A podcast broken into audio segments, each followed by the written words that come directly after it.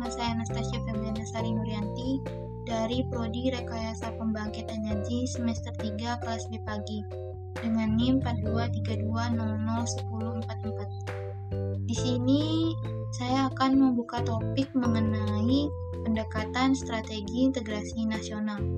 Tentunya sebelum kita mengetahui pendekatan apa saja, perlu kita ketahui apa itu strategi integrasi nasional.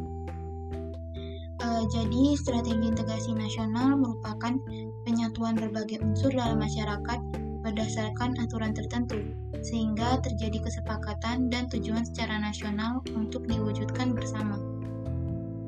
Jadi, untuk mencapai kesepakatan tujuan bersama, tentu itu tidak mudah. Perlu diadakannya pendekatan-pendekatan. Nah, pendekatan itu sendiri dibagi menjadi lima, yaitu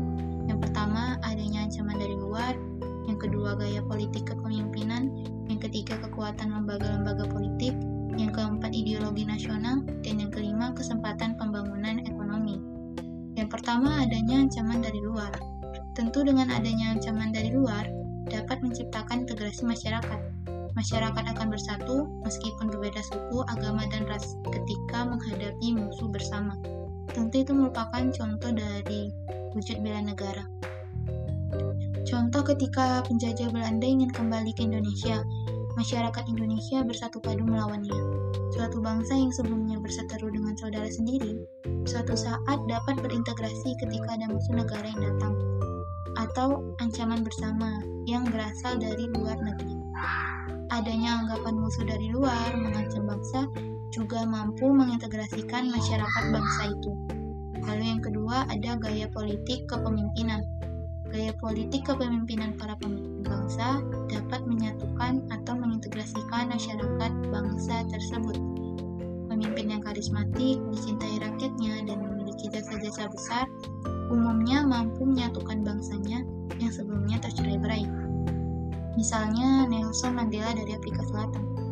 Gaya politik sebuah kepemimpinan bisa dipakai untuk mengembangkan integrasi bangsanya. Yang ketiga, kekuatan lembaga-lembaga politik, misalnya birokrasi, juga dapat menjadi sarana pemersatu masyarakat bangsa. Birokrasi yang satu dan padu dapat menciptakan sistem pelayanan yang sama, baik dan diterima oleh masyarakat yang beragam, pada akhirnya masyarakat bersatu dalam satu sistem pelayanan. Yang keempat, ideologi nasional. Ideologi juga memberikan visi dan beberapa panduan bagaimana cara menuju visi atau tujuan itu. Jika suatu masyarakat meskipun berbeda-beda tetapi menerima satu ideologi yang sama, maka memungkinkan masyarakat tersebut bersatu. Bagi bangsa Indonesia, Nilai bersama yang bisa mempersatukan masyarakat Indonesia adalah Pancasila.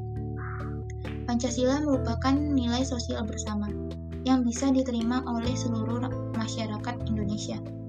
Nilai-nilai bersama tidak harus berlaku secara nasional. Di beberapa daerah di Indonesia terdapat nilai-nilai bersama. Dengan nilai itu, kelompok-kelompok masyarakat di daerah itu bersedia untuk bersatu. Lalu yang terakhir ada kesempatan pembangunan ekonomi. Jika pembangunan ekonomi berhasil dan menciptakan keadilan, maka masyarakat bangsa bisa menerima sebagai satu kesatuan. Namun, e, jika ekonomi menghasilkan ketidakadilan, maka muncul kesenjangan atau ketimpangan. Orang-orang yang dirugikan dan miskin sulit untuk mau bersatu atau merasa satu bangsa dengan mereka yang diuntungkan serta yang mendapatkan kekayaan secara tidak adil.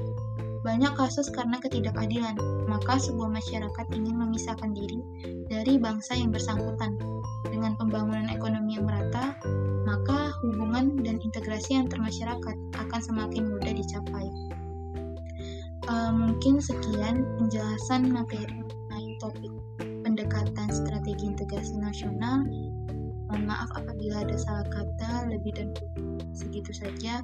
Mungkin saya akhiri. Wabillahi taufiq wal hidayah. Wassalamualaikum warahmatullahi wabarakatuh.